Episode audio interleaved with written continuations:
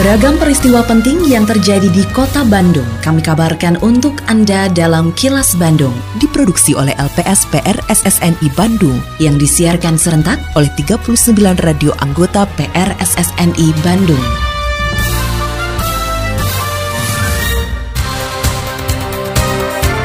Sejumlah informasi aktual kami hadirkan untuk Anda dan inilah informasi utamanya buruan saya diharapkan berkontribusi terhadap pemenuhan kebutuhan pangan.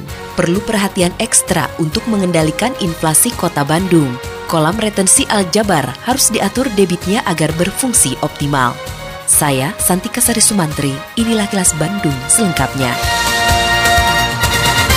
Sebagai salah satu komoditi sayuran penyebab inflasi, ketersediaan bawang merah dan cabai merah di kota Bandung mulai diupayakan secara maksimal. Oleh karena itu, pemerintah Kota Bandung melalui Dinas Ketahanan Pangan dan Pertanian atau DKPP terus bekerja sama dengan berbagai pihak untuk menggencarkan buruan saya kepada warga agar bisa menanam bawang dan cabai merah. Kepala DKPP Kota Bandung Gin Ginanjar mengatakan pihaknya berkolaborasi dengan Bank Indonesia untuk membagikan 1.500 OTG atau Organic Tower Garden yang disebar ke 30 kecamatan. Dari jumlah tersebut 16 titik di antaranya menanam bawang merah. Menurut Gingin, hasil panen bawang merah yang dilakukan oleh buruan saya tersebut cukup memuaskan karena selama penanaman mendapatkan bimbingan dari petani bawang. Hasil panen ini sebagian digunakan untuk kebutuhan warga dan sisanya bisa untuk dijual. OTG ini sudah lama dikembangkan oleh buruan saya dan memang menjadi media yang cukup efektif sebagai tempat bercocok tanam dan BI memanfaatkan itu dengan memberikan bantuan sebanyak 1.500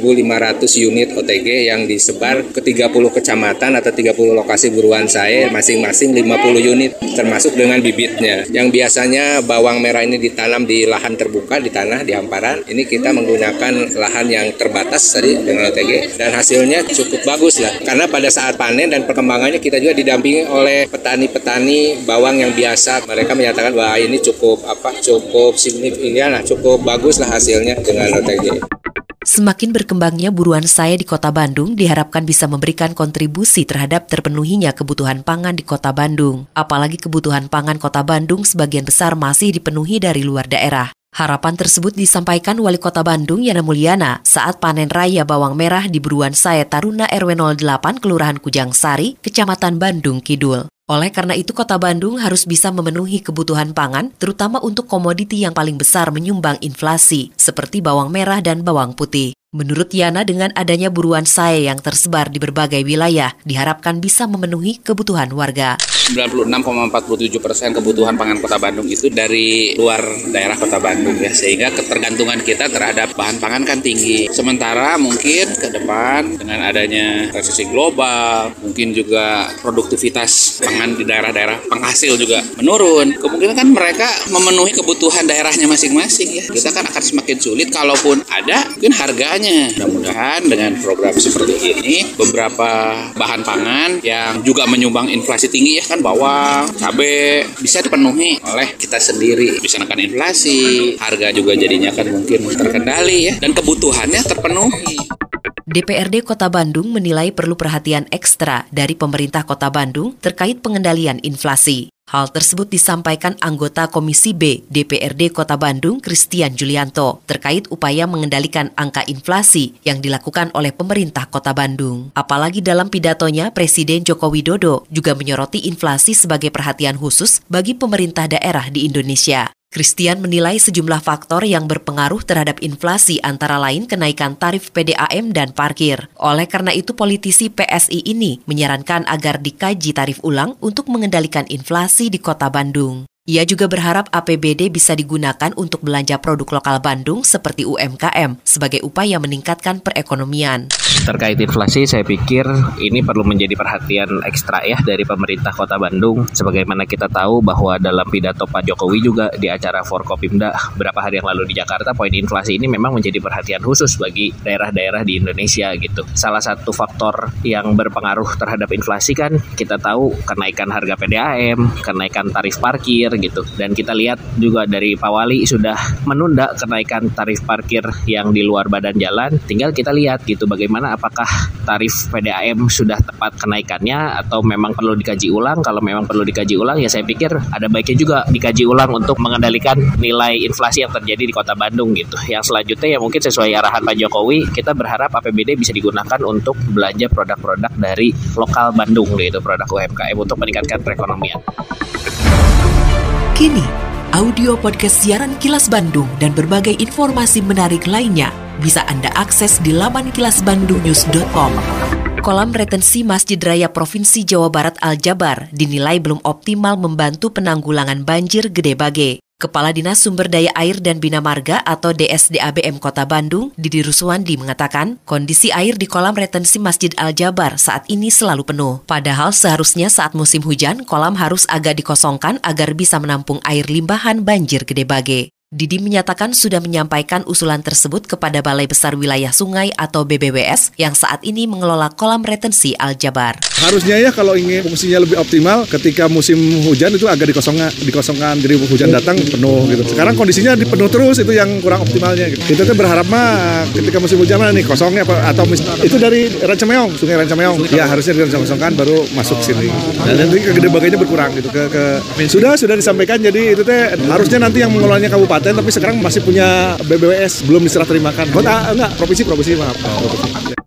Sejak diresmikan akhir tahun 2022 lalu, Masjid Raya Provinsi Jawa Barat Al-Jabar masih menjadi tujuan masyarakat untuk melihat kemegahannya. Ramainya masyarakat yang datang menyebabkan jalur yang menuju Masjid Raya Al-Jabar mengalami kemacetan hingga malam hari. Gubernur Jawa Barat Ridwan Kamil mengimbau masyarakat yang akan ke Masjid Raya Al-Jabar untuk memanfaatkan jalur lain yang lebih leluasa agar tidak terjebak kemacetan lalu lintas. Ridwan Kamil mengaku terus melakukan evaluasi termasuk upaya rekayasa lalu lintas di jalur menuju masjid. Kami sampaikan ke warga, jangan masuk semua dari Cimingkrang, masuklah dari Gede Bagi Selatan. Karena jalurnya saya amati lebih lengang, mungkin banyak yang tidak tahu.